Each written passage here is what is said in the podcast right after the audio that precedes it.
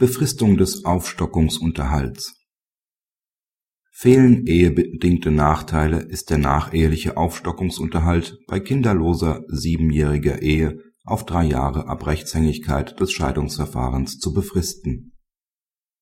Die Eheleute heiraten 1998, trennen sich 2005 und werden 2007 geschieden.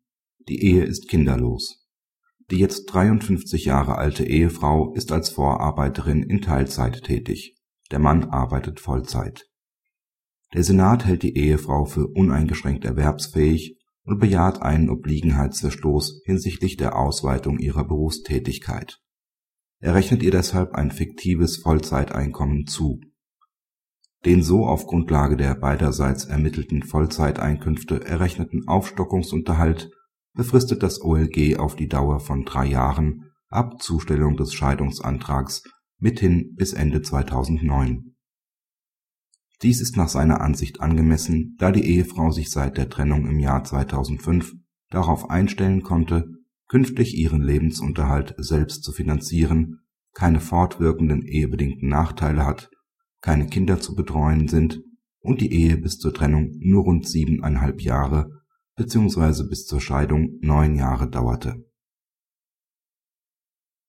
Praxishinweis ob ein Anspruch auf nachehelichen Unterhalt nach einer Übergangszeit auf den angemessenen Bedarf herabzusetzen oder zu befristen ist, beziehungsweise beide Rechtsfolgen des § 1578b BGB kumuliert werden und wie lange die Übergangszeit selbst zu bemessen ist, bleibt eine Einzelfallfrage.